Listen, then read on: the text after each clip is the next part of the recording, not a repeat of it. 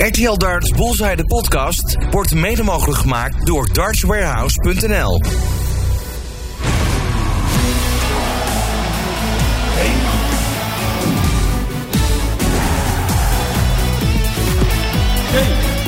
And the.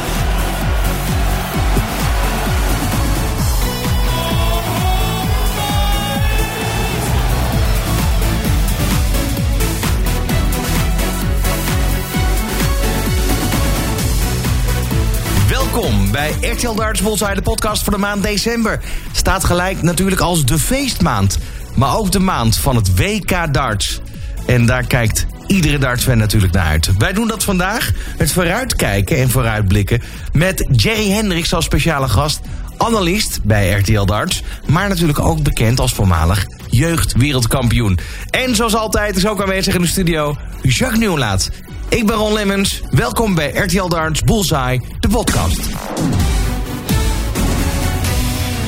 Jacques, ook weer van harte welkom in de studio. Hallo. Het is de maand waarop het eigenlijk ieder jaar kriebelt. Ja, het is de WK-maand, hè? dus uh, we gaan ruim voorbeschouwen op het WK, het WK en nog meer van het WK. Jerry, van harte welkom in de studio. Nou, leuk dat ik er ben. Ja, ik heb even zitten, zitten googlen. Jij komt uit de buurt van Venlo. Ik eh, kom uit Venlo. Ik woon in Venlo in ieder geval. Ik ben in Eindhoven geboren.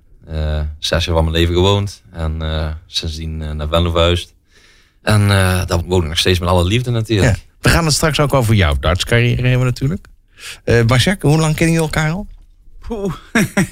behoorlijk wat jaar. Ja, behoorlijk al wat jaartjes inderdaad. Ja, ik, ik heb hem nog wel gezien als jeugdspeler zelfs. hij werd wereldkampioen bij de jeugd op het WDF WK van... Poeh. 2003 volgens mij. Drie, ja. Nou ja, dus zo lang in ieder geval... ja, ja, ja dat we onze, onze paden gekruist zijn. Wat doet het met jou die decembermaand van het WK? Ja, het begint, zoals je al aangaf, het begint te kriebelen. Je leeft naar zo'n WK toe. Uh, de kerstdagen ertussen. Uh, het heeft iets speciaals. Liefst speel je natuurlijk daar zelf. Dat zit er dit jaar niet in. Maar uh, er gaan vast en zeker nog jaren komen dat ik er zelf ook wel sta. En ja, goed. Gewoon lekker genieten en lekker thuis op het bankje te dag te kijken nou. Ja, wat ook nog wel even leuk is om te melden... als je straks uh, gaat beginnen als kijker naar het uh, WK... elke aankoop vanaf 15 euro in RTL Dartshop... krijg je de WK Bracket poster erbij cadeau. Dus uh, nou ja, wel belangrijk om te weten... tot 15 december kan je die aankoop heel doen. heel veel schrijfwerk, want je moet anders ja, 96 namen zelf opschrijven. Heb, heb je hem al gezien, de bracket, of niet? Ik heb hem al gezien, ja. Ja, dus, ik heb hem al ingevuld, hè? Iedereen die het WK wil volgen, is zo'n bracket uh, het mooiste hulpmiddel wat je kan mensen komende maand. Voor, zeker voor de luie mensen. En darters zijn over het algemeen vrij luie mensen. Zullen we de cijfers maar eens even doornemen? De nou, cijfers op een rijtje. 28e editie van de PDC WK van 15 december. Ik zei net al, tot en met 3 januari. Er zijn 96 deelnemers. We gaan deze podcasten denk ik niet allemaal noemen. Want had ik een, toch? Je hebt geoefend. had ik een week voorbereiding nodig om te oefenen. Uh, elf Nederlanders. Drie debutanten, dat is wel leuk. Dirk Telnekus, Martijn Kleermaker, Mike Kuivenhoven. Maar ook drie gevestigde namen die niet aanwezig zijn. Jelle Klaassen, Benito van der Pas en Jan Dekker. Ja, is dat verrassend of hoe zien jullie dat? Ja, ik eigenlijk wel. Um, het is natuurlijk een heel raar jaar geweest door die hele coronasituatie. En de ene spelers pakt het wel goed op en de andere wat minder. Um, ik, ik, zag wel dat bijvoorbeeld uh, Benito uh, heel hard bezig was geweest met sporten. Uh, kilo's kwijt is geraakt. Toch misschien een betere balans in zijn leven te krijgen, denk ik.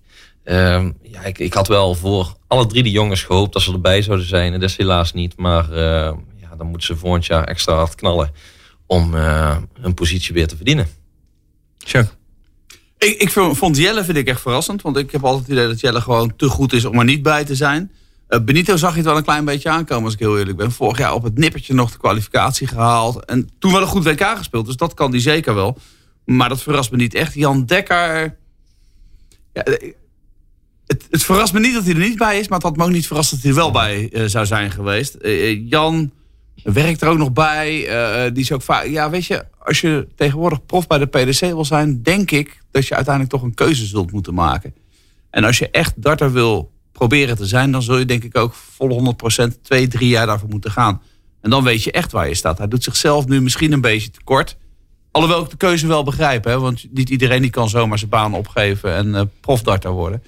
Uh, maar als hij het echt wil proberen, dan zal hij dat wel moeten doen. Een paar jaar je, werk opgeven en dan weet je na drie jaar waar je staat. En misschien ben je dan ineens wel goed genoeg. Of niet, maar dan weet je dat ook. En, en um, dat is soms lastig. Maar er zijn veel spelers die erachter komen na twee jaar. Dat het gewoon net boven hun macht is. En ja, dat moet je dan ook accepteren. Hoe ga je daarmee om, eh, Jerry? Ja, ik zelf eh, zit in die situatie dat ik ook een eh, fulltime baan erbij heb waar ik heel veel plezier in heb en wat ik graag doe. Ik heb wel de mazzel dat ik het kan combineren. Eh, alleen inderdaad, wat Jacques zegt, als je echt eh, de top wil bereiken, ja, dan zul je er toch vol 100% voor moeten gaan. En dat, dat is bij mij niet de situatie. En ik weet dat Jan is best een slimme jongen, is in de financiële sector. En eh, ja, doet zijn werk gewoon heel goed, volgens mij een eigen zaak. En eh, ik, ik weet niet of hij die keuze gaat maken in de toekomst. Heeft natuurlijk ook een gezin te onderhouden. Ehm, ja, dat speelde ook allemaal mee. Maar inderdaad, wat al zegt, ik denk als je echt in die, in die top mee wil draaien, dan, eh, dan zul je wel volle 100% voor moeten gaan. En, maar niet iedereen zit in die situatie. Nee, of je moet een heel meewerkende baas hebben. Kijk, we hebben het verhaal van Dirk van Duivenbode nu de laatste tijd natuurlijk wel eh, een paar keer gehoord. Kijk, zijn baas helpt hem echt aan alle kanten mee om, om zijn carrière te faciliteren. Dan is het ook te doen. Maar dan nog vraag ik me af hoe lang dat houdbaar is.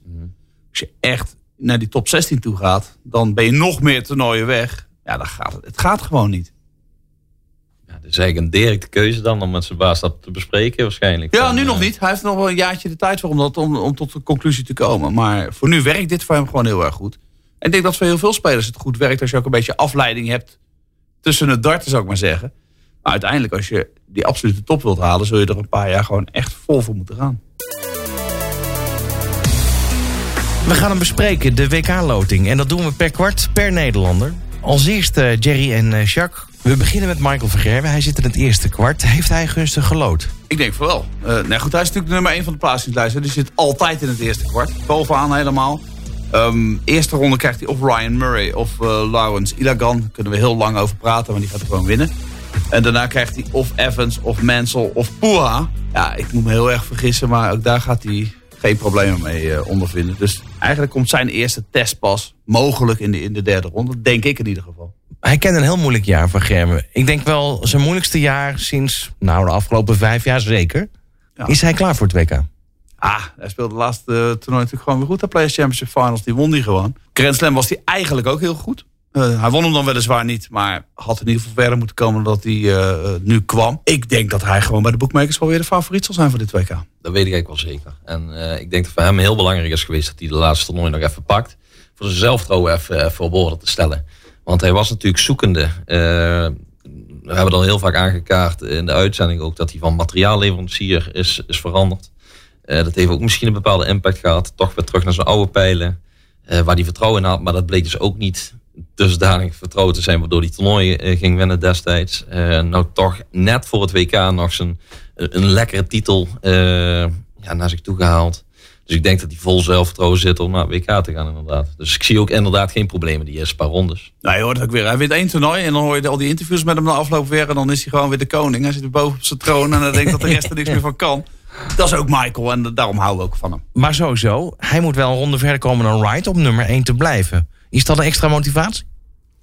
Hij, hij vindt zichzelf de beste van de wereld. Dus eh, als hij niet die koppositie pakt, dan is dat een teleurstelling voor hem. Dus hij gaat er ook echt alles aan doen om, om die positie eh, te behouden. En daarbij heeft vorig jaar natuurlijk het WK niet gewonnen.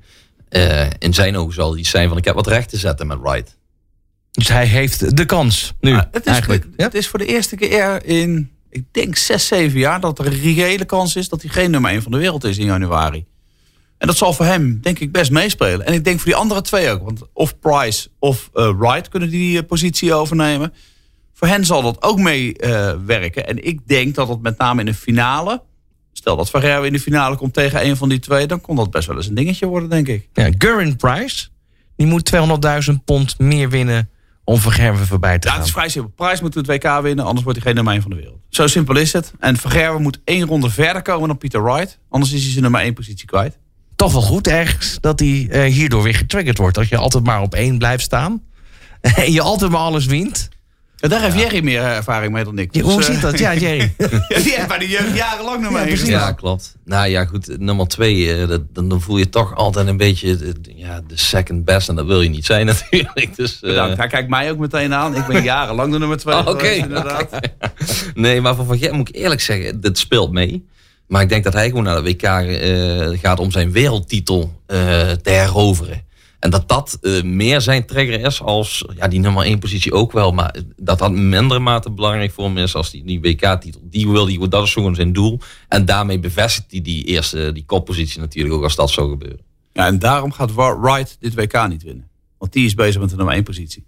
En, En dat, dan dat ga je hem wordt geforceerd. Ja. Oké, duidelijk. Price, dat er nog een kans hebben? Ja, Ja, ik, ik, ik- eerlijk gezegd, ik denk dat ik Price eh, op dit moment in, eh, in een betere vorm vind verkeren als Wright. Eh, heel wisselend. eh, heel veel, hij heeft altijd al met pijlen aan wisselen natuurlijk. Maar nou eh, vond ik het niet zo goed uitpakken als wat, wat in het verleden wel eens gebeurd is. Dus eh, ik, ik vind, vind Price een, een, een sterkere kandidaat op dit moment als, als Wright. Dan gaan we over naar Danny Noppert. Hij speelt naar alle waarschijnlijkheid tegen Martijn Kleermaker in de tweede ronde. Kleermaker was niet echt ontevreden met die loting. Vinden jullie dat terecht?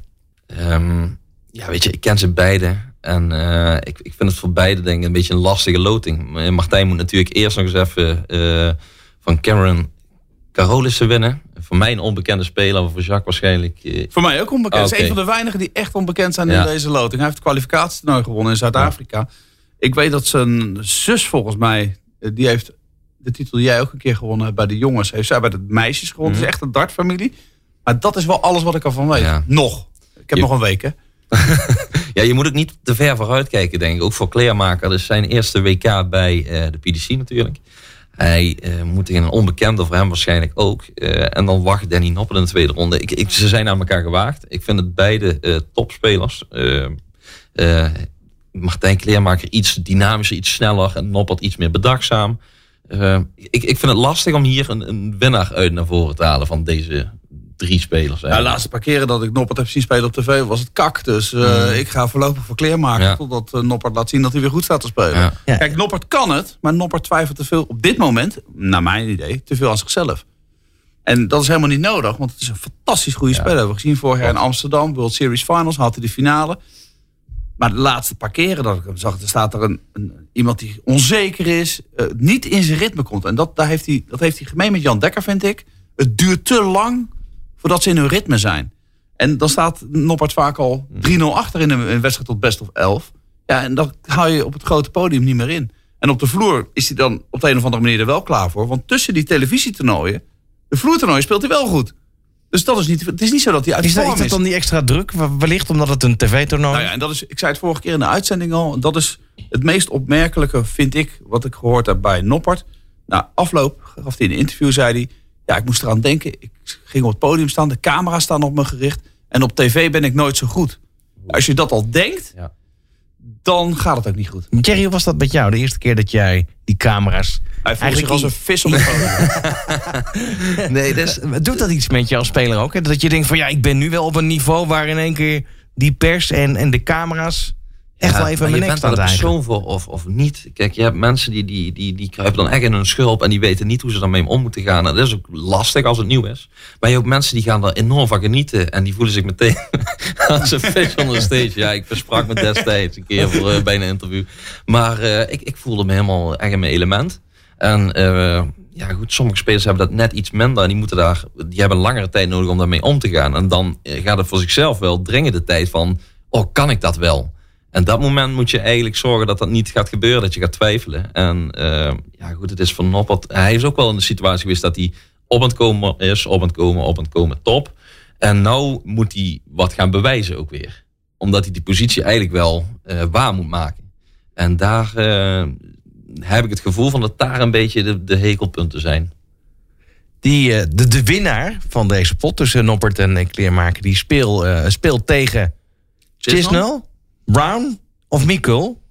En daarbij kanttekening... Chisnell is de laatste drie jaar eh, degene die twee keer verloren heeft van een Nederlander op het WK. Ja, er, zit, er zitten daar mogelijkheden. Eh, inderdaad, Chisnell is ook niet in topvorm. Chisnell staat wel achtste op de wereldranglijst. Maar ik denk iedere keer kijk naar die wereld en denk ik... hoe kan die achtste staan op dit moment? Want die heb ik werkelijk het laatste jaar ook niks zien presteren. Maar dan weet je één ding. Aankomende jaar gaat een heel lastig jaar worden voor Dave Chisnell. En dat wordt hem ook wel verteld waarschijnlijk. En, en dus zal hij ook met een heel moeilijk gevoel denk ik op dat podium staan. En hij moet nog maar eens zien te winnen van die twee jochies hoor. Ik bedoel, die, die kunnen ook wel een potje darten. En met name die Mikkel, die heeft dit jaar op de jeugdtour heel goed gespeeld. En die is traag als dikke stront door een trechter. En dat vindt Chis nog niet leuk. Dus als Chis nog niet lekker in zijn spel zit, dan zou hij daar zomaar van kunnen verliezen. Ja, wat, ik kan me voorstellen, dat, dat werkt wel op je zenuwen, denk ik. Ja. Zo- Zo'n trage En tegenstander. dat weet hij niet, want hij is net zo traag. Ja, dat valt mee. Oh, ik heb jee. er een beetje een red met ren. Maar eh, ja, goed, je hebt zo'n Keegan Brown die ook nog in dat, eh, die eerste partij tegen die Mikkel speelt. En die is, dat is natuurlijk een beetje een, een souplesse speler. Ja, die gooit wat soepel, die gooit wat sneller. Dus ik denk dat Chesney liever tegen Brown speelt dan tegen die Mikkel. Dat denk ik ook wel, ja. Doe je dat wel eens expres eigenlijk? Even vertragen. In principe niet. Nee? Ehm, ja, je, wil- je- ja, nou, ik vind van niet. Ik, ik heb wel in het verleden vaak zat gehad dat ik zoiets af. Ik moet even mijn rust nemen. Ik moet even mijn concentratie pakken. Dat doe ik dan meer bewust voor Maar je mezelf. bent niet bezig met, met tactiek. Dat je denkt van nou, we gaan nu even vertragen. Nee, ja, de nee. Nee? Ja, wat zit je nou te lachen? ik, heb ik, ik, ik ben er niet bewust mee bezig. Eh, Er worden echt wel spelletjes gebeeld, eh, mentale spelletjes aan het bord. Eh, maar als je daarover moet gaan nadenken, Ja, natuurlijk, dan ben je toch? al, ja, maar dan ben je al niet meer bezig met je eigen spel. Dat is lastig. Sommigen zijn er ook beter dan anderen. En ik vond het zo mooi om laatst was het met een toernooi dat, dat ik Dirk tegen Wedlock zag gooien, die halve finale. Ja, Dat vind ik als, als toeschouwer wel mooi om te zien dat zo'n spelletje wordt gespeeld. En eh, mooi dat Dirk hem dan ook nog even... Ja, even vandaar dat wij er ook over beginnen. Dat is Ja, genieten. Maar welke speler vond jij het lastigst om tegen te spelen? Dat je merkte van, hij is met een soort van tweede plan bezig? Nou, ik heb wel met, nou, toevallig met Dirk wel eh, wat gekke momentjes meegemaakt. Dat we elkaar niet, eh, misschien even beter de, de eerste uur daarna niet konden zien. Eh, ja, Nou, ja. nou, kom, kom, kom eens to the point. Wat gebeurde er? nou, we waren een beetje aan elkaar aan het irriteren misschien wel. En eh, ja, goed, weet je, ik heb alle respect voor Dirk. En, Maar goed, irriteren. Hoe irriteer je elkaar dan? Nou, ik liep een keer de verkeerde, verkeerde richting terug. En dat, eh, dat vond hij niet tof. En eh, hij ging daardoor vertragen. En dus dat Dus je in meteen mijn een optiek reactie, was het ja. zo. Ja, je merkt gewoon, je, je bent allebei. Ik, ik, merk, ik zag het gewoon zo. We zijn allebei haantjes. We willen allebei die partij winnen. En eh, ja, goed. Uiteindelijk won hij met 6-5 of zo. Dus daar was ik niet zo happy mee. Maar verder, weet je, je, je ziet elkaar de week daarna weer en dan is alles weer goed. Ik vind het wel leuk om te horen dit trouwens. Dan eh, gaan we even naar debutant. eh, Dirk Telnekes. Eh, hij opent tegen Nick Kenny en speelt daarna mogelijk tegen Jermaine Martimena. Is dat jammer? Ja, ik vind die Nick Kenny ook wel een hele, hele sterke speler. Eh, is pas eigenlijk recent richting de PDC gekomen. En eh, daar krijgt hij al heel zwaar tegen. Ik hoop voor Dirk dat hij in zijn flow komt. Dat hij ervan, ervan gaat genieten. En eh, dat hij dan onderling kan uitvechten met Jermaine. Eh, maar die, eh, die Kenny is geen, geen makkelijke klant. Nee, sterker nog, de, Kenny was toen hij overstapte naar de PDC dit jaar. Hij heeft zijn dit jaar gehaald. Was hij volgens mij nummer drie of vier van de wereldranglijst bij de video. Die jongen echt serieus potje darten. Alleen op tv vind ik hem tot nu toe niet zo sterk. Dirk is jong, onervaren. En dan is het, het kan twee kanten op gaan. Of hij gaat daar onbevangen staan en speelt de pannen van het dak. Of hij gooit geen pepernoot. Het kan allebei. Ehm, maar ik zou, als ik Telnekes was, me met name op de eerste wedstrijd concentreren. En die tweede wedstrijd niet eens aan denken. Hij moet echt bezig zijn met Nick Kenny en met niks anders. Want als je met andere dingen bezig gaat zijn, als hij al bezig gaat zijn met Jermaine Watimena, dan ziet hij Watimena helemaal niet op het podium. Oké, en de, de status van uh, Jermaine Martimena zelf? Nou ja, ik heb, ben vaak kritisch over Jermaine geweest. Eh, zeker ook in de podcast hier zo. Maar ik moet me ook mijn complimenten nu maken naar Jermaine toe. Die heeft echt de laatste paar toernooien heel goed gespeeld. En heeft een beetje pech gehad met zijn resultaten. Want iedere keer was er een tegenstander die bijna boven zich uit, zichzelf uitsteeg. En zo Jermaine de- erop legde. Ik denk dat Jermaine best wel eens eh, een eind zou kunnen komen dit WK. Ja, de loting is een lastige, dat is het. Jerry? Ja, ik, eh, ik sluit me aan met Jacques. Ik vind dat hij echt wel een goede ontwikkeling heeft meegemaakt. Eh, eh, is altijd nog steeds een hele snelle speler. Is en af en toe misschien te fanatiek, eh, te snel zijn pijlen naar het bord gooit. Maar dat, eh, dat heeft hij wel iets meer onder controle. Maar als hij ze eenmaal raakt, dan kan hij ook echt dikke gemiddels boven de 100 noteren. En dat heeft hij ook laten zien. Ook op de vloertoernooien. Eh, als hij dat kan vertalen naar het WK, dan eh, maakt hij een goede kans om een goede run te maken sowieso. Ja, er zitten in dit kwart natuurlijk vijf Nederlanders. Waarvan vier in één achtste van, het, eh, van de loting. Ja, daar één Nederlander uit kan komen nog... dan heb je misschien wel gewoon Van Gerwen tegen eh, nog een Nederlander. Wie zijn de outsiders in dit kwart? Die bewaar ik nog even. Dat is Aan het einde van de uitzending. Goed, dan gaan we de kwartfinales Oké, doornemen. vooruit. Dan gaan we naar kwart 2. Uh, Dirk van Duivenbode, die is de mannenvorm. Dat hoeven we eigenlijk niet meer uit te leggen. Dat weet heel Nederland inmiddels. Eh, eerst moet hij tegen Bradley Brooks. Dat mag toch geen probleem zijn, toch? Ja, hij is natuurlijk wel eh, net gekroond tot jeugdwereldkampioen. Eh, is niet voor niks, kan wel dachten. Maar Dirk is de man in vorm. eh zei ik daar tegenover. Dus ik denk wel dat Dirk daar meer ervaring heeft. En eh, wel eroverheen gaat lopen. Eh, ik weet niet of Jacques er ook. Nou, ik, ik, ik vond het de slechtste jeugd-WK-finale die ik ooit Ja, gezien ik heb bij de ja, PDC. Dus ik heb geen hoge pet op van die Bradley Brooks, in ieder geval op tv voorlopig. Ja. Dus daar mag Van, van Duivenbode echt geen probleem mee hebben. Hij speelt daarna tegen Rob Cross. Man uit vorm. Is dat gevaarlijk? Want dat kan natuurlijk inderdaad dat je daar misschien wel verslapt die wedstrijd in gaat. Nou, ik denk dat Rob daar niet zo blij mee is. Ik denk dat die eh, meer zoiets heeft van ja, dat die, dat die loting niet heeft meezitten ten opzichte van Dirk. Eh, Dirk die, die kan natuurlijk weer een mooie scalp eh, op zijn naam zetten van nou, ik, ik kan ver een goede run maken op de WK misschien. Rob daar in de tussentijd verslaan. dat zou mooi op zijn cv staan. Dus eh, ja goed, ik denk dat Rob Cross daar iets meer zorgen eh, over maakt als, als Dirk. Ja, toch denk ik dat Rob Cross de laatste tijd best wel aardig stond te spelen. Hij is nog niet helemaal 100% in zijn afwerking. Daar, daar schort het nog wel een klein beetje aan. Twee weken de tijd nu om het eh, goed te krijgen. En ik kan me best voorstellen dat Dirk denkt... van, nou, Rob Cross, dat had slechter gekund. Maar Rob Cross is wel de nummer 5 van de wereld. Hij heeft dit jaar toch gewoon een televisiefinale gehaald. Dus ik denk niet dat op zich Dirk daar de favoriet is in die wedstrijd.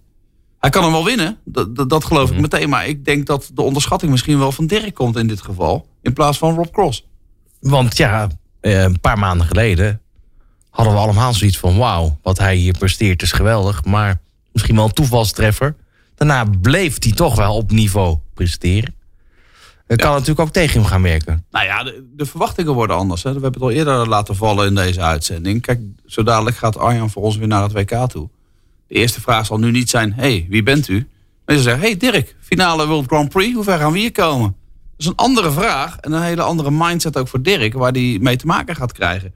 Ik denk dat het nog echt lastig voor hem wordt. Maar hij is wel nuchter, dus, dus ja, Ja, het ligt er puur aan hoe die ermee omgaat. Hè? En dat, dat weten we niet. Dat is lastig om te, om te bepalen voor spelers die dan net zo'n jaar meemaken. Waarin ze een topprestatie leveren. En eh, ja, goed. Het feit dat zijn baas hè, stiekem op de achtergrond toch zoveel support levert.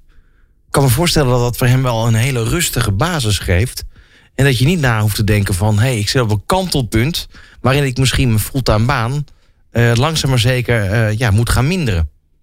Er gebeurt iets minder dan dat je echt in een rollercoaster komt... waarbij misschien je baas wel gaat tegenstribbelen. Ik heb in het verleden wel vaker gezien met mensen die bijvoorbeeld dan de, de Q-school halen. En dan op het moment komen van wat ga ik nou doen met mijn carrière. Want eigenlijk begint de taap pas heb je nog geen vaste inkomstenbron eruit. Ja. Eh, en die hebben wel eens werkgevers gehad die daar niet zo coulant mee omgingen. En wat begrijpelijk is, er moet geld verdiend worden. En als jij iemand aanneemt voor een fulltime die dan in één keer elke week eh, naar buitenland moet of vrij vraagt ervoor. Ja, dan, dan kan er wel een situatie creëren waar, eh, ja, waar de speler niet de vrijheid krijgt. En wat, wat, ja, wat zoals gezegd al logisch is. Eh Dirk, zijn werkgever, doet dat dus wel. Eh, wat voor hem prettig is. Dus ja, goed. Nogmaals, we zullen zien hoe, hoe dat wat alles voor invloed op hem zal hebben dadelijk in de toekomst. Maar ja, goed. WK gaat hij wel goed spelen, denk ik. Mike Kuivenhoven die speelt tegen Matthew Edgar. Voor de meesten is Kuivenhoven nog onbekend. Wat kunnen we van hem verwachten? Ja, ik moet eerlijk zeggen, ik denk dat Jacques hem wel wat beter kan. Dat hij, dat hij wat meer met hem werkt natuurlijk. Op mij komt hij over als een rustige jongen. Die echt wel goede partijen kan spelen. En hij heeft niet voor niks een tourcard gehaald. En doet het eh, redelijk op de tour. Want anders stond hij in de WK. Uh, maar Edgar is ook toch al een, een, een, speler die ook wel wat jaartjes al meedraait. Ik vind hem hilarisch. Want hij heeft een eigen YouTube channel. Uh, waar hij wel wat gekke elementen van het dag naar boven brengt.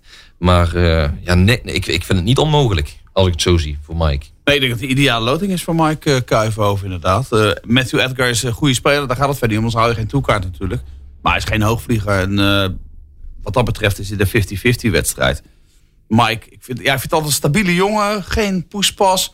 Een family man. Hij heeft ook gewoon nog een baan erbij. Dus hij zit een beetje hetzelfde als Dirk. Ze wonen volgens mij ook 500 meter uit elkaar zo'n beetje in dat Westland. Zijn, zijn het uh, trainingsmaatjes? Uh, dus ze spelen samen competitie volgens mij zelfs in één team. Dus uh, ze kennen elkaar best wel goed. Uh, volgens mij Jeffrey de Zwaan zit er ook bij. Dus het is echt een aardig competitieteam volgens mij als ik het zo uh, bij elkaar raap. Ja. Maar het kan, ook dit is weer voor hem is het echt zijn eerste WK. Hij heeft wel wat ervaring dit jaar opgedaan op de UK Open en ik denk op de Players Championship Finals. Dus hij heeft al iets aan het podium gezien. EK heeft hij ook gehaald. Ehm, maar ja, dit is wel de grote test natuurlijk. En, en dan kan het twee kanten op gaan. En Edgar is dan wel net iets meer ervaren. Mm. Maar als ik Edgar was, zou ik niet doorgaan met darten. Maar dan zou ik doorgaan met mijn YouTube kanaal. Dan eh, Lisa Ashton. Zij heeft eh, gelood tegen Adam Hunt. En daarna treedt ze mogelijk aan tegen Jamie Hughes. Kan zij die prestatie van Fallon Sherrock eh, herhalen, denk je? Ja, ik denk dat die... Jullie kijken elkaar. Ja, ik, ik, ik wil het best wel doen. Ik denk namelijk dat ze, dat ze een hele goede kans maken tegen Adam Hunt. Eh, alleen dat ze daarna gaat verliezen van Jamie Hughes. Dat is mijn eh, voorspelling in deze partijen. Ja, ik ben niet heel vaak met hem eens. Maar in dit geval moet ik het ook met hem eens zijn. Ik denk, Adam Hunt die is er nu al heel erg mee bezig. En die hoorde ik al ergens zeggen. Of die zag ik ergens eh, iets zeggen. Dat hij al twee keer van de verloren heeft afgelopen jaar. Als je daarmee bezig bent. Dan weet je één ding zeker. Dat zit niet lekker in je hoofd. Ik, Hunt, maar, maar correct me if I'm wrong. Misschien dat jij hem beter kent dan ik. Ik ken hem niet zo heel goed. Ik zie hem wel van afstand. En ik zie hem al een jaar of vijf, zes. Ik denk iedere keer, jeetje, wat een goede speler. Hele rustige jongen. Hele eh, nette jongen. Die goede dingen doet op de goede momenten. En alleen, ik zie hem nooit op televisie. Ja, tot de afgelopen Grand Slam dan. En denk ik, ergens gaat het met zo'n jongen dan toch niet goed. Ja, Ja. Hij is natuurlijk wel nog jong, dus hij heeft nog wel wat jaartjes te gaan. Maar, maar inmiddels is het ook eh, 27 of zo, denk ik. Oké, ja. Terwijl hij toch in het begin van zijn twintiger jaren was hij ook al actief en redelijk Ja, hoog. hij heeft samen jeugd gegooid met Van Gerwen. Dus, ik bedoel, eh, en, en toen zat hij redelijk dicht tegen dat niveau van Van Gerwen aan. Mhm. Dus ja, ik, die is een beetje weggevallen. En Lisa Ashton vind ik echt de beste damesdarter ter wereld. Die is beter dan Fallon Sherrock. Dat blijf ik ook zeggen. Sherrock heeft vorig jaar fantastische run gehad op het WK. Daar zal ik niks aan afdoen. Eh, maar, Sher eh, maar Ashton, als je ze tegen elkaar zet, zet ik mijn geld op Ashton. Ik kan me nog zo goed herinneren, vorig jaar, WK darts. Eh, toen viel die naam uiteindelijk al als een van de eerste keren nou, op een WK. Fallon Sherrock. Nou, eh, de angst om van een mevrouw te verliezen. Ehm, dat is toch wel wat anders. Dat op het moment dat je op het podium staat met heel veel publiek achter je... eh, dan dat je nu in een WK-wedstrijd speelt zonder publiek. Ja, duizend man hè. Duizend man. Ja, maar goed, het is toch anders. Ja, goed. eh, de- Mogen ze zingen? Nee, toch? Ja, dat weet ik, heb niet. Ik heb niet Ja, alle, regels alle regels. Ze mogen niet verkleed in ieder geval. Misschien dat in je kleding ook corona kan zitten. Ik heb geen idee. Ik weet het niet. Nee, ja, het is lastig. Eh, ik denk wel als het hele publiek eh, tegen je is. Ze zien graag de, de underdog winnen. En dat was bij die vrouwenpartijen vorig jaar heel erg. En eh, wat bijna eigenlijk, dat je het gevoel had dat het een beetje oneerlijk werd. Ja. Eh, ik, ik weet niet of ze. Het kan best wel zijn dat ze restricties hebben, dat ze niet mogen juichen. Het zou zomaar kunnen inderdaad. Ik weet dat de tafels worden per vier verkocht. Hè, dus je kan alleen maar met je eigen gezin of met je schaduwgezin noemen ze dat Het zal toch te midden zijn, kom op. Nou ja, misschien doet het wel een beetje denken aan de oude Lakeside dagen of de Embassy dagen. En dan eh, heb je eh, als, je- als eh, Lisa Ashton misschien wel een voordeel. Die is wel gewend te spelen onder dat soort omstandigheden. Ja. Maar van Hughes overigens, dat is echt gewoon een betere speler dan Lisa Ashton. Ja. Als je- dit mag Hughes niet verliezen. Nou, Jacques, daar gaan we weer. De outsiders in, de, in dit Je wil hetzelfde antwoord gewoon nog een keer hebben. Geen probleem hoor. Ja, dan wachten we mee tot het einde van de uitzending. Spannend. Ik ben zo benieuwd naar Jerry's lijstje. Straks gaan we verder met kwart 3 en kwart 4 tijdens deze RTL Darts de podcast. Maar eerst is het tijd geworden voor de Hall of Fame. Trina Gulliver, Phil Taylor, Raymond van Barneveld. Allerlei legendes die hier alweer de revue gepasseerd zijn. En vandaag wordt daar een nieuwe naam aan toegevoegd door Jacques Nieuwlaat. Deze maand in de Hall of Fame een echte laadbloeier. Een man die pas begon te darten toen hij al in de 30 was. Over wie heb ik het? Ik heb het over Mr. Glitter, de Dazzler, Bobby George. Niemand minder dan hij. Ik zei het al, hij begon laat met darten, maar had er ook minder dan een jaar voor nodig om toch de Winmau World Masters te halen. Een van de grote toernooien in die tijd. Een echte self-made darter die zonder twijfel een van de meest herkenbare figuren in de dartwereld is. Echter, zonder wereldtitel, dat wel. Hij won twee keer het News of the World toernooi. Je zou zeggen het wereldkampioenschap voordat er een wereldkampioenschap was. Eén keer won hij het zelfs zonder ook maar een leg te verliezen in alle wedstrijden die hij moest spelen. Eh, een bijzondere prestatie. Twee keer haalde hij wel de WK-finale en twee keer maakte hij toch geschiedenis in die WK-finales. In 1980 speelde hij tegen Eric Bristow. Een finale die de geschiedenis van het darten en van Bobby zou veranderen. Hij was de eerste die een opkomst had. De eerste ook die echt door het publiek gesteund wordt. En zijn tegenstander werd echt eh, gehaat bijna door het publiek. En dat veranderde het, want sindsdien hebben we inderdaad opkomsten. Eh, en hebben we entertainment bij het darten. Hij stopte met spelen, of vrij snel daarna overigens, in 1986. En vanaf dat moment speelde hij eigenlijk alleen nog maar demonstratiepartijen voor brouwerijen. Hij werd ingehuurd en dan werd hij vervolgens in cafés neergezet. Niet alleen om de dartsport te promoten, maar natuurlijk ook om het merk van de brouwerijen groter te maken. In 1994 komt hij terug. Dan speelt hij weer het WK als de splitsing tussen de PDC en de BDO een feit is. Hij vindt dat hij terug moet komen. Hij vindt dat hij de dartsport moet helpen. En hij speelt dat WK. Hij speelt dat WK ook erg goed. In de kwartfinale springt hij omhoog tijdens een gegooide dubbel en landt hij verkeerd en breekt zijn rug. Ehm, hij weet het op dat moment nog niet. Speelt de wedstrijd uit, wint de wedstrijd ook. En in de halve finale komt hij ook nog heel ver. Hij komt weliswaar op een kansloze achterstand. Maar zijn tegenstander, de Zweed Magnus Karis, mist een matchdart. En vanaf dat moment gaat alles Bobby's kant op. Met pijn, maar toch wel met verbetenheid, zoals we hem kennen, weet hij die wedstrijd nog te winnen. Als hij een dag later de finale moet spelen, is dat echter onmogelijk. Eh, in korte tijd hebben ze nog een stalen corset voor hem gemaakt. En daarin speelt hij, maar hij is kansloos tegen John Part uit Canada. Scorend, geen probleem. Maar buigen en inbuigen, met name voor de dubbels, gaat dan niet meer bij Bobby George. Tegenwoordig speelt hij een prominente rol in de BBC-serie Marigold Hotel. Een, uh, een serie waarin oude, bekende Britten de wereld rondgaan en mooie verhalen weten te vertellen. Waarom hoort Bobby George in de Hall of Fame? Hij heeft geen uh, meerdere wereldtitels op zijn naam staan. Maar je moet een nieuwe standaard neerzetten. En dat heeft hij gedaan. Een standaard als entertainer die vandaag de dag nog steeds geldt. Een man ook met fameuze quotes. 180's for show and doubles for dough. Throw where you're looking and look where you're throwing.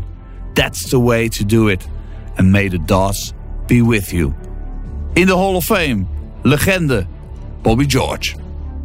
Ah, dit is wel weer eentje die hoog in mijn uh, favorietenlijstje mag komen staan, Jacques.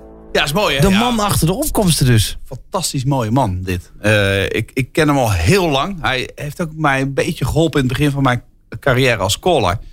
Ik leerde hem kennen in Nederland tijdens een paar toernooien. En ik vertelde wat ik deed. En hij liet me overkomen naar Engeland. Hij zegt, kom maar, ik regel bij mijn county. Want alles in Engeland is in counties geregeld. Ik regel dat je daar kunt callen. Dat je die wedstrijd daar kunt callen. Daar kun je ervaring op doen. Dus ik was de eerste Nederlander die uh, overging naar Engeland. County callen bij Essex. En dan uh, sta je gewoon 24 partijen aan het bord, hè, gewoon op rij. Ja, zo ja, gaat dat daar zo. Nou, en dan uh, mag je eraf, biertje drinken en dan gaan we naar huis. Ja, zo, zo, zo, zijn commerciële deal viel me op. Ja, hij deed in zijn hoogtijdagen deed hij tussen de 300 en 400 uh, demonstraties voor die brouwerijen per jaar.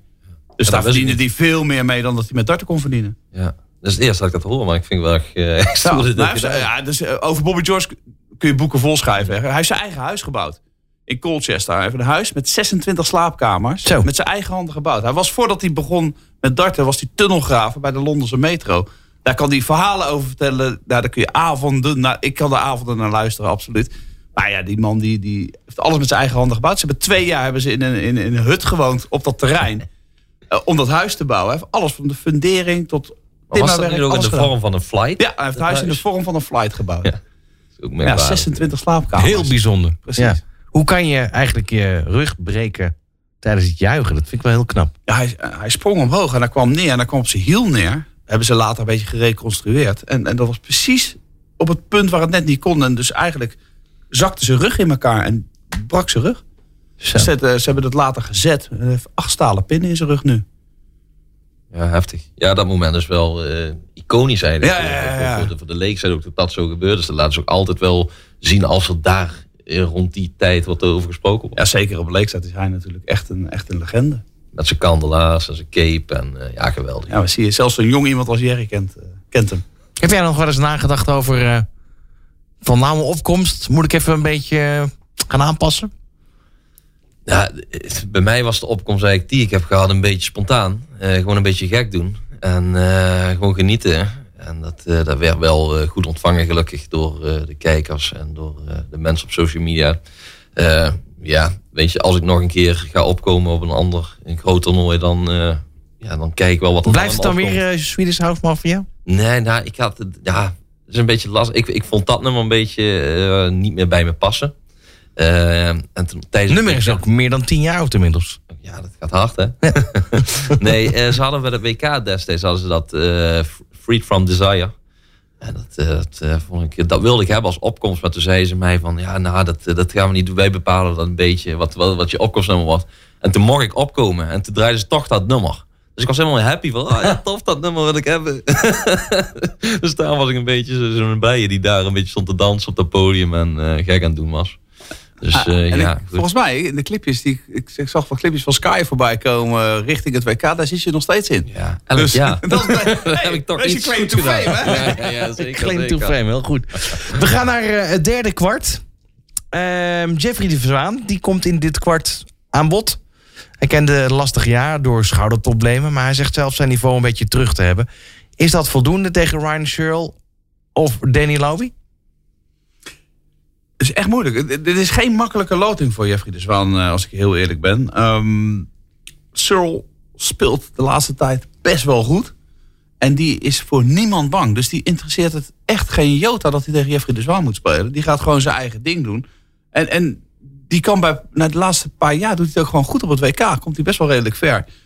En Dan Lobby is een Amerikaan. Die hebben we op tv nog niet het beste van gezien. Ik heb hem op Q-School gezien. Ik denk dat het vorig jaar was of het jaar daarvoor. Daar kwam hij op één ronde van een tourkaart. Daar speelde hij toen die dag heel erg goed. Maar de, de, de drie dagen daarna ging hij de eerste ronde uit. Dus ja, het is een beetje een momentspeler, denk ik. Ja, ik denk dat dat wel gaat winnen, toch? Ja, normaal gesproken wel. Ja. Dan eh, wordt het lastig voor Jeffrey. Eh ligt eraan hoe zijn voorbereiding is naar het WK. Hij is veel met Rebel natuurlijk aan het doen. Ja. Eh, ja, laten we hopen voor hem dat dat eh, positieve invloed heeft. En dat hij helemaal fit en, eh, en wel aan de okkie staat. En dat hij dan gewoon eh Searle van afgooit. Want ik vind het wel mooi natuurlijk, ja, chauvinistisch, dat, dat de zwaan verder komt.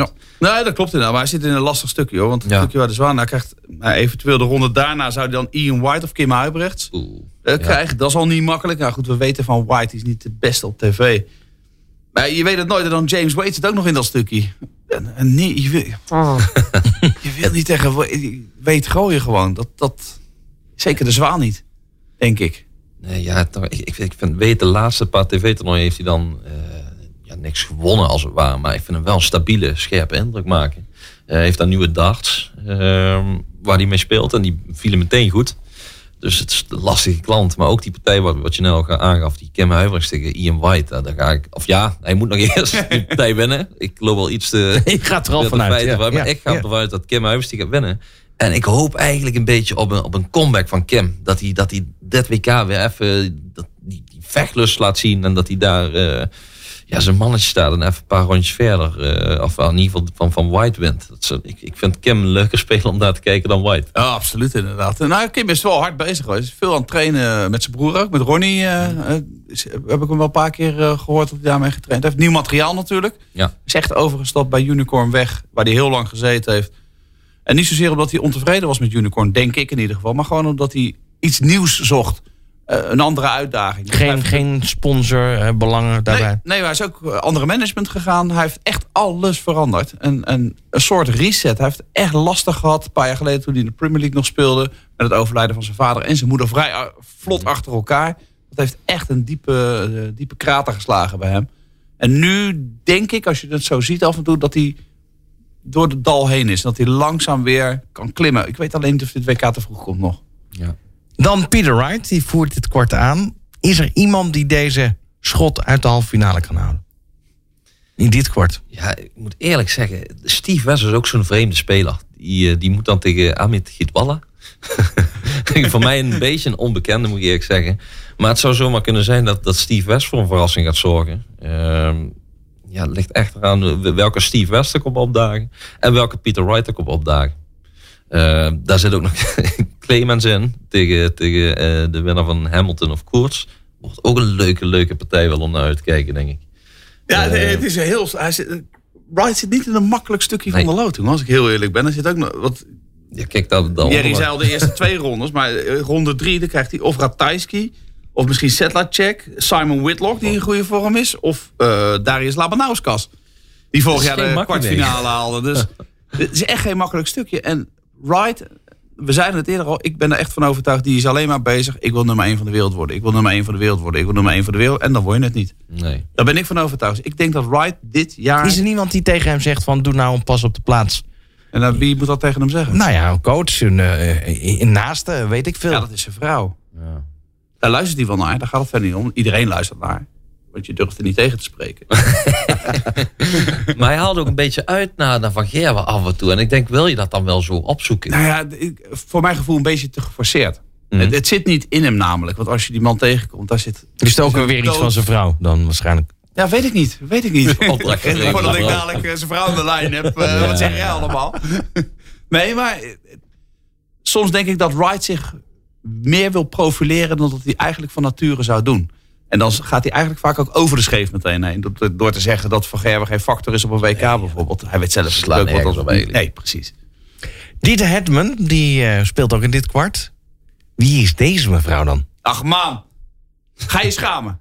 En snel. Oké. Ja, die speelde al 100 jaar darts volgens mij. Nou, ik, ik vind een hele lieve, aardige vrouw. Eh, ik heb haar veel, eh, veelvuldig tegengekomen op toernooien. Ehm, Ik ben blij dat jij ze kent.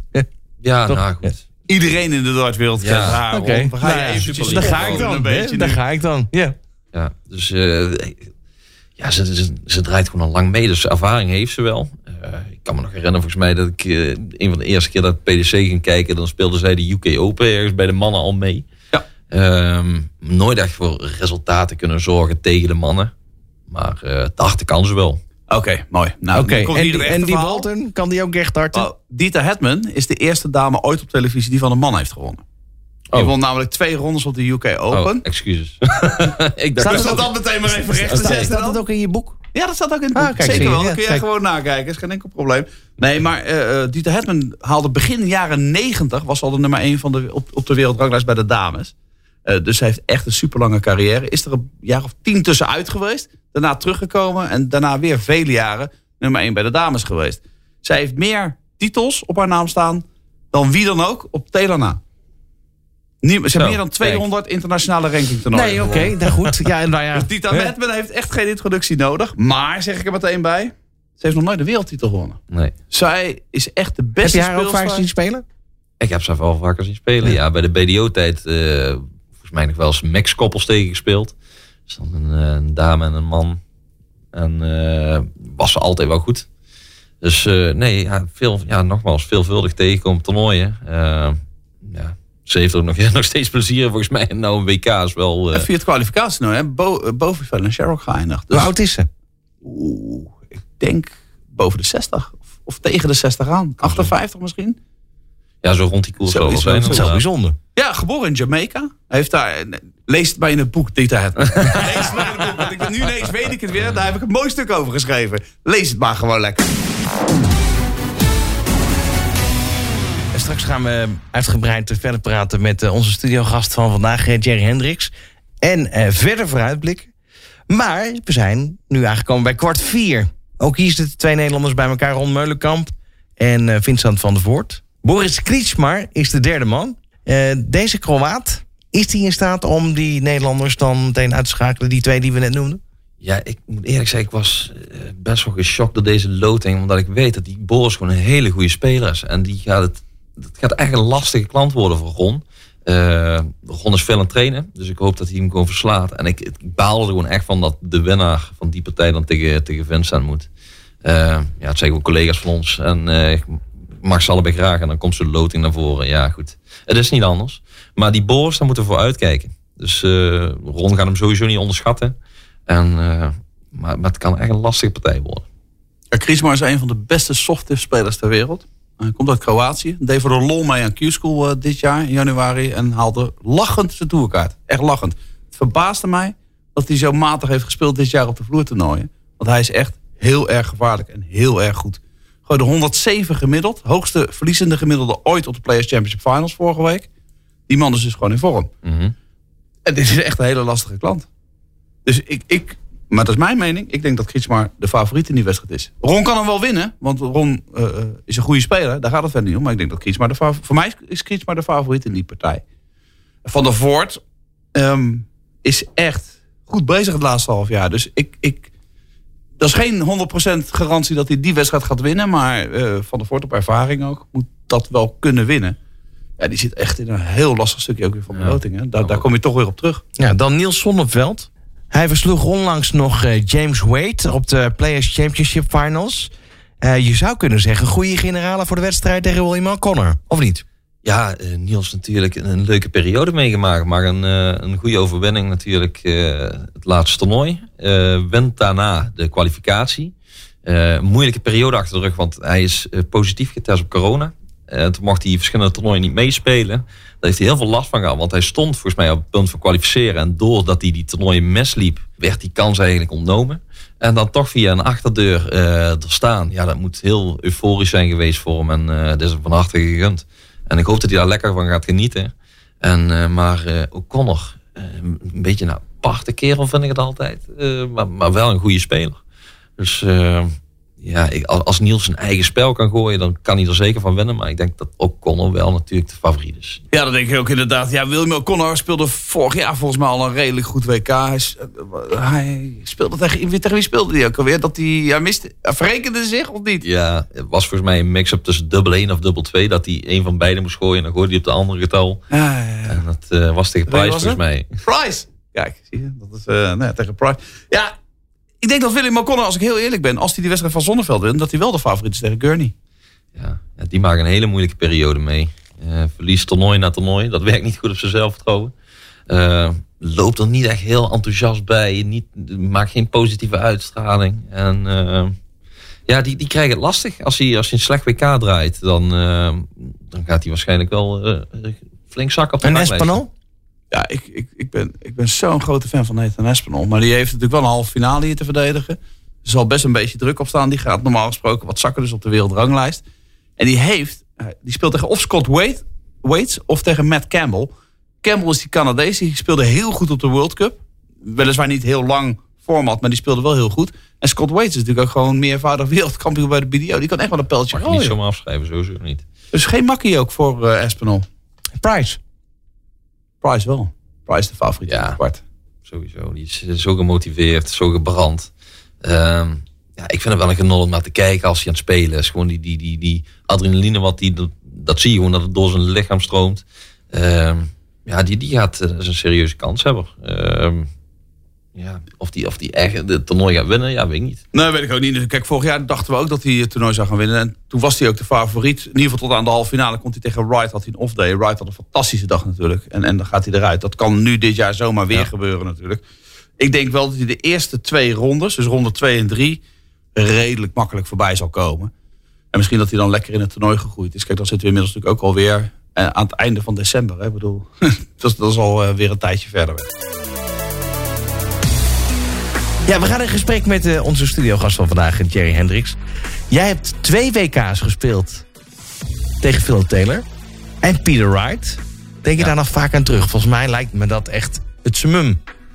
Ja, Als je tegen dit soort namen mag spelen. Het is natuurlijk top dat je die kans hebt gekregen om nog tegen eh, een legende als eh, Phil Taylor te spelen op een WK. Dat was naar mijn weten ook het laatste WK wat hij nog gewonnen heeft. Eh, de finale van Michael. En eh, ik, ik heb nog een set weten af te pakken tegen hem toen. Kan, maar kan je ons eens meenemen naar de voorbereiding van die wedstrijd?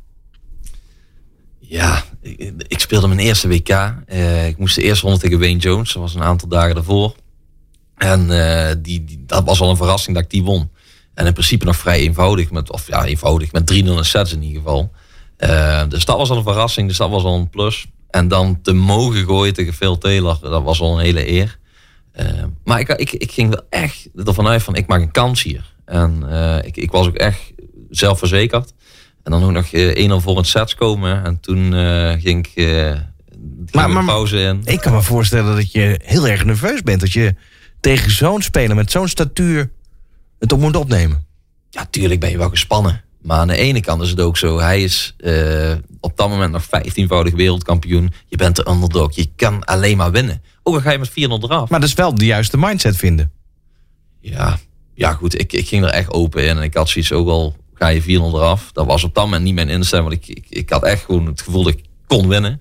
Maar eh, het zou geen schande zijn als je daar zou verliezen. Dus de- dan sta je wat bevrijdend, eh bevrijdender te spelen als dat je echt de favoriet bent natuurlijk. Dus ik had eigenlijk geen, bijna tot geen wedstrijdspanningen. Hoe was dat met Peter Wright? Was dat hetzelfde? Want ja, in principe Phil Taylor, eh, ja, bijna groter dan dat kan niet. Ja, eigenlijk in principe wel.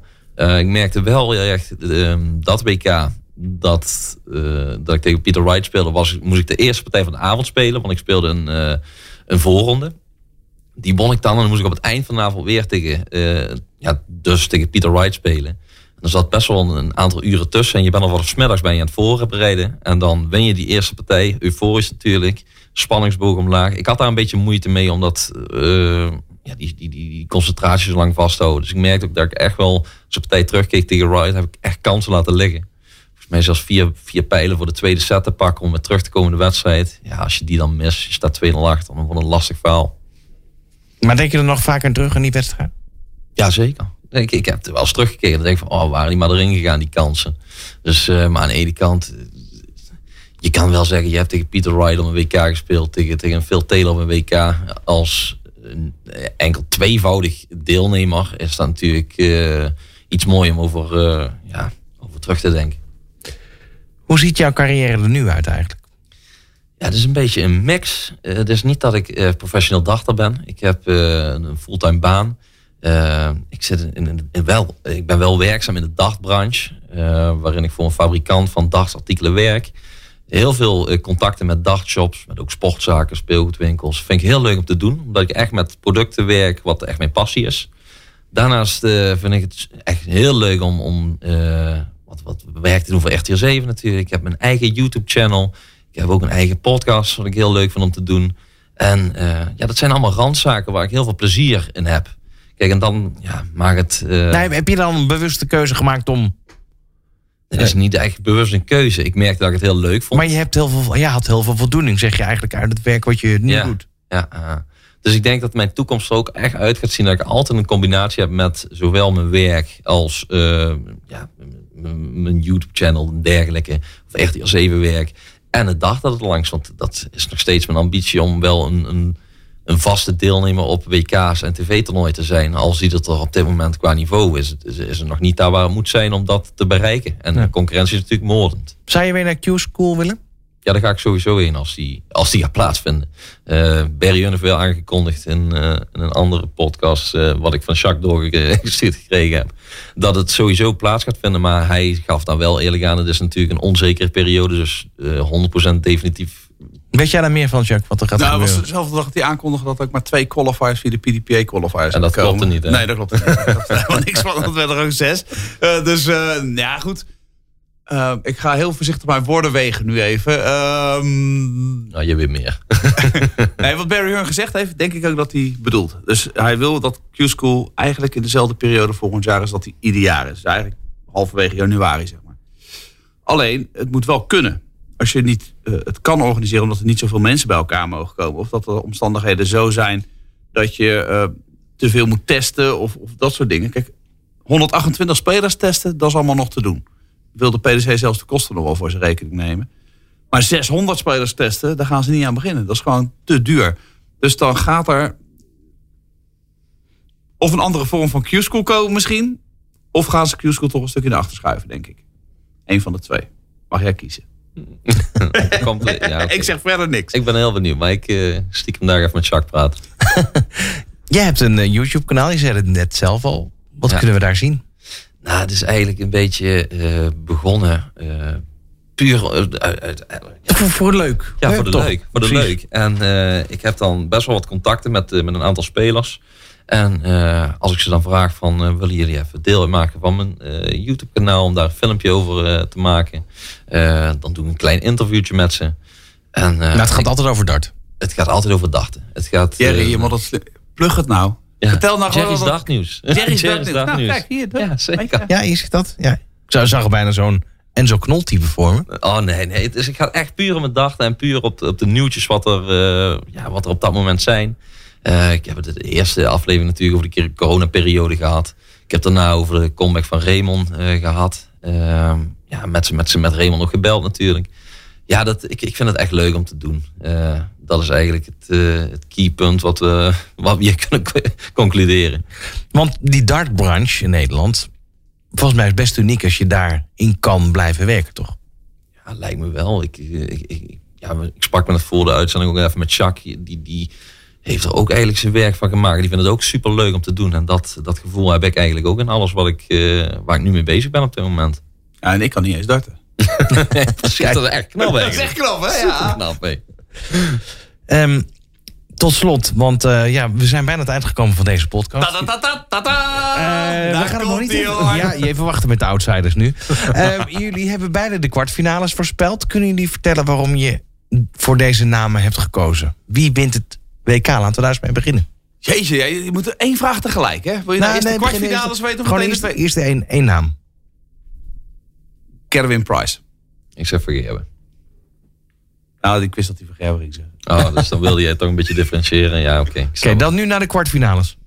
Oké, kwartfinale 1 heb ik van Gerber tegen Dimitri van den Berg.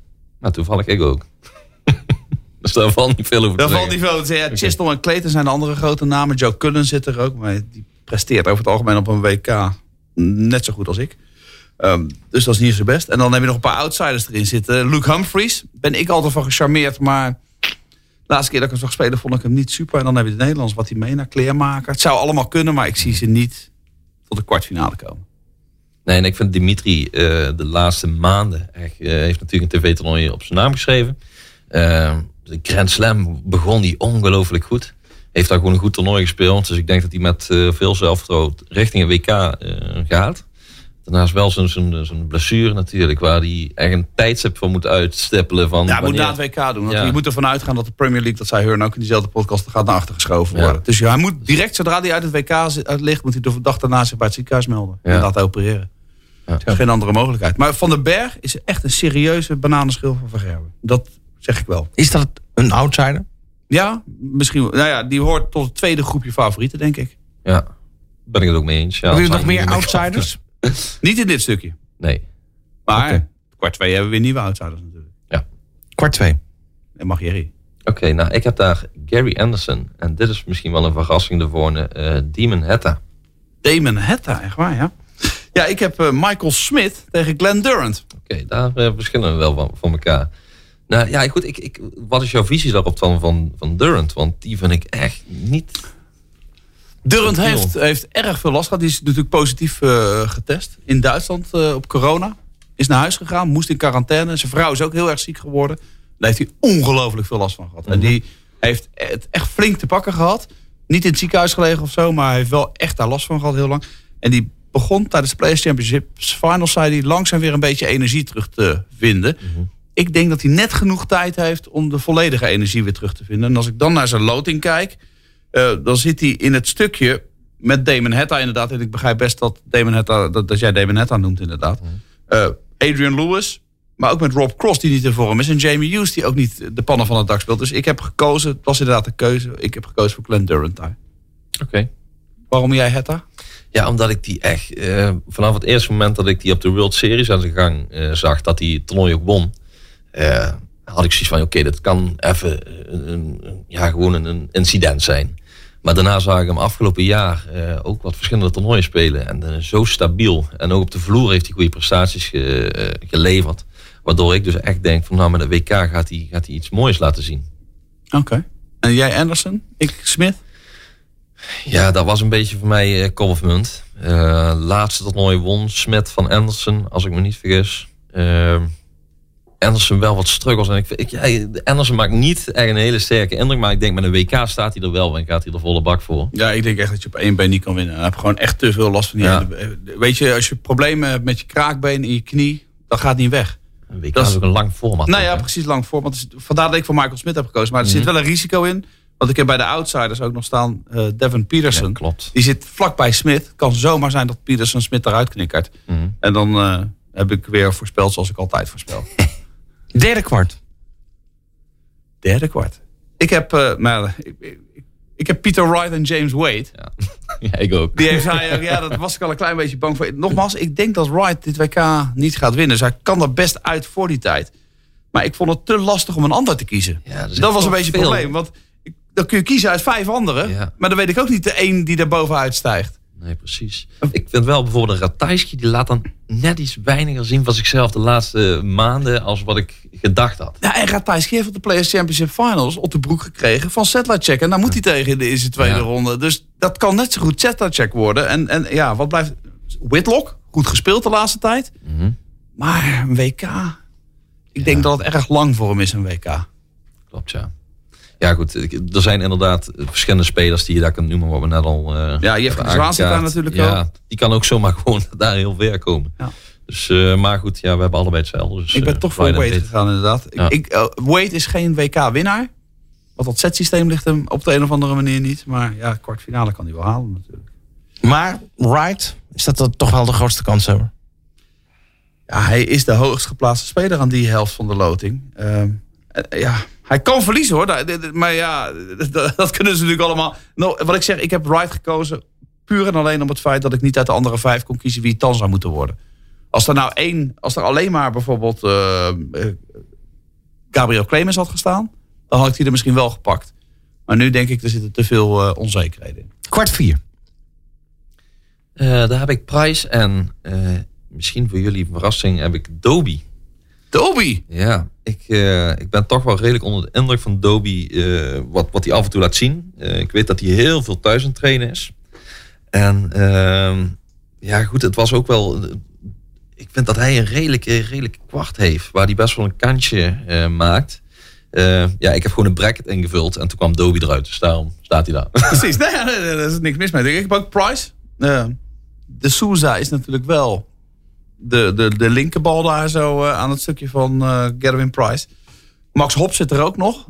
Je, daar weten we ook niet zo goed van wat we daarvan moeten verwachten. Die, die hebben we tijdje niet gezien. Ja, ik heb eh, Price tegen Nathan Aspinall toch in de Ja. kwartfinale. Gewoon Ja. omdat ik zo gecharmeerd ben van Aspinall. En ik, ik wil hem gewoon terug in de Premier League ook hebben volgend jaar. Omdat ik hem gewoon te leuk vind om te missen. Hij speelt goed. Want al de wedstrijden die hij verliest, die verliest hij met goed spel. Altijd tegen iemand die ook goed staat te spelen. Maar dat zegt ook dat je een wedstrijd niet naar je hand kan zetten. En dat heeft hij op dit moment een beetje. Hij kan wedstrijden niet zijn stempel drukken en zeggen ik ben de baas. En, en dan heeft hij dus ook wel weer een lastig stukje met ervaren mannen als ik zei het al Scott Wade. Die eh, een paar keer wereldkampioen is. Vincent van der Voort die toch ook gewoon aan zijn twintigste WK gaat beginnen geloof ik. Ja, de- de- de- dus die heeft ook een, een bak ervaring. Ik hoop Espinol. Maar ik, ik weet het niet zeker moet ik eerlijk zeggen. Ik heb nog als outsiders, ik heb er even gezegd. Kriegsmar ja. en Keen Barry. Keen Barry is een jonge Ier, supersnel. Soms te snel voor zijn eigen goed, maar die is zo jong en die kan ook wel eens onbevangen spelen. En dan zit hij in een lekker stukje van de loting. ja, als het allemaal valt, dan gaat het ook allemaal erin bij die Keenberry. Eh speelde die vorig jaar niet tegen Vincent? Zou ook heel snel inderdaad, als is die. Ja. En eh, wat wel een verademing is, wil ik even highlighten ook nog dat, eh, dat Vincent, eh, ik spreek hem regelmatig, dat hij eigenlijk geen last meer heeft van, van mankement, wat hij altijd tijdens de WK wel had. Eh, Ja, dat klopt. De laatste jaren. Dus ik hoop dat het dit jaar niet in één keer weer net voor het WK dat hij weer wat anders eh, krijgt. Eh, Nee, hij speelt vaak wel goed op een WK natuurlijk ook. Maar als ik heel eerlijk ben, Vincent zou op een heel goed WK kan die kwartfinale halen. Maar dan, da- da- ja, met alle respect, maar er zijn daar wel altijd zeven beter.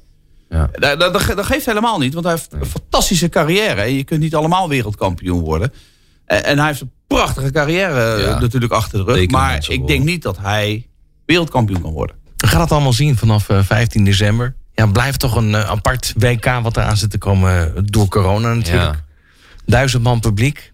Ja, vreemd. En ook, eh, ja, dat is ook nog even een dingetje. Je hebt natuurlijk, stel je voor, er worden daar mensen positief getest. Die mogen niet meedoen. Dan heb je allemaal reservelijsten. Dus het zou zomaar zijn, eh, volgens mij staat Jan Dekker op, op een derde plaats op een reservelijst of zo. Eh, omdat hij de kwalificatie het redelijk goed heeft gedaan, verloren van die settler check. Ja, de, de reservelijst gaat op de wereldranglijst. Oké. Maar ik heb geen idee wie er op welke plaats staat. Dus Ja, dat- meteen bij. Is het niet afhankelijk van waar, eh, uit welke ranglijst de, de speler kwalificeert, die dan bijvoorbeeld positief getest is? Nee, de qualifiers die zeg maar afgevallen zijn. Ja. Dus nou ja, daar hoort Dekker bij inderdaad. Ja. Dus iedereen die in die qualifier afgevallen is, die worden op volgorde van de wereldranglijst gezet. En dat Ah. zijn de reserves. Oké, oké. Nou, Ja, dat dus is even eh, afwachten. ja, goed om te weten. Afwachten.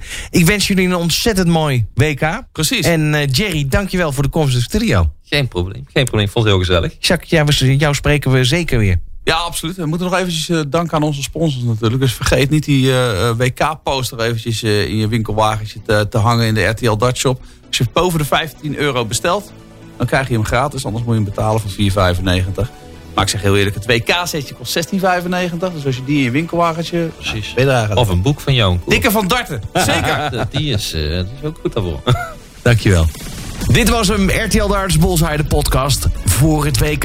We wensen je natuurlijk een heel fijn WK en veel kijkplezier met alle wedstrijden die er gaan komen.